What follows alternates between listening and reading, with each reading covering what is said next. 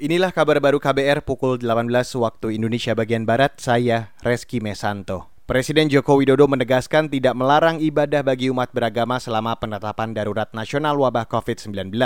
Meski begitu, Presiden mengatakan ibadah sebaiknya dilakukan di rumah masing-masing, termasuk salat Idul Fitri pada akhir pekan ini.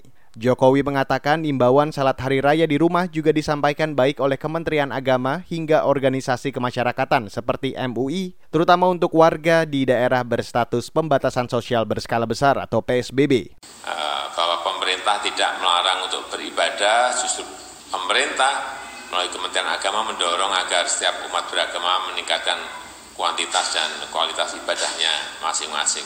Yang kita himbau, yang kita atur adalah peribadatan yang dilakukan sesuai dengan protokol kesehatan dan anjuran ibadah di rumah yang bisa dilakukan bersama-sama ini saya kira sudah juga sampaikan.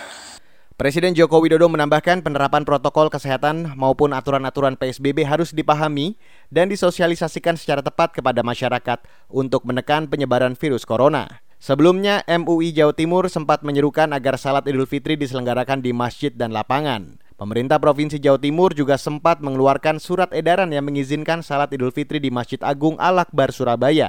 Namun, belakangan pemerintah provinsi mencabut surat edaran itu. Beralih ke kabar selanjutnya, Menteri Koordinator Bidang Politik, Hukum, dan Keamanan Mahfud MD mengatakan kegiatan ibadah salat Idul Fitri berjamaah di masjid dan lapangan saat negara sedang darurat wabah COVID-19 termasuk melanggar aturan. Menurut Mahfud, pandemi COVID-19 sudah digolongkan dalam bencana non-alam dan diatur dalam undang-undang serta peraturan turunan dan larangan-larangannya. Bahwa kerumunan sholat berjamaah itu termasuk bagian yang dilarang oleh peraturan perundang-undangan karena bukan karena sholatnya itu sendiri, tetapi karena itu merupakan bagian dari upaya menghindari bencana. COVID-19 termasuk bencana non alam nasional yang berlaku berdasar keputusan pemerintah. Menko Polhukam Mahfud MD menambahkan larangan mengadakan kerumunan atau kumpulan orang termasuk salat Idul Fitri juga sudah disesuai Peraturan Menteri Kesehatan tentang Pembatasan Sosial Berskala Besar atau PSBB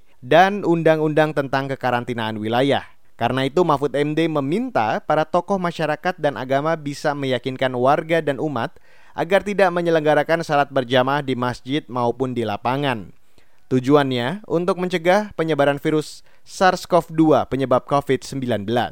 Saudara, meski ada larangan tidak mudik dari pemerintah, ribuan orang tetap nekat pulang kampung dan menyeberang Selat Bali menuju Jawa Timur. PT Angkutan Sungai Danau Penyeberangan atau PT ASDP Ketapang Banyuwangi mencatat, Hingga lima hari sebelum lebaran, jumlah penyeberang pejalan kaki yang menggunakan layanan kapal penyeberangan mencapai 5.700-an orang lebih. Sedangkan kendaraan roda 4 pribadi mencapai 2.000 kendaraan dan roda 2 mencapai 700-an kendaraan. Salah seorang pemudik asal Madura, Wahid, mengatakan ia nekat pulang kampung lantaran di Bali sudah tidak ada pekerjaan lagi. Saya dari Denpasar, Pulau Kampung. Saya di sana sudah nggak bekerja lagi. Kita butuh makan. Tidak hanya penyeberangan dari Pelabuhan Gilimanuk Bali yang padat, arus sebaliknya dari Pelabuhan Ketapang Banyuwangi menuju Bali juga cukup banyak.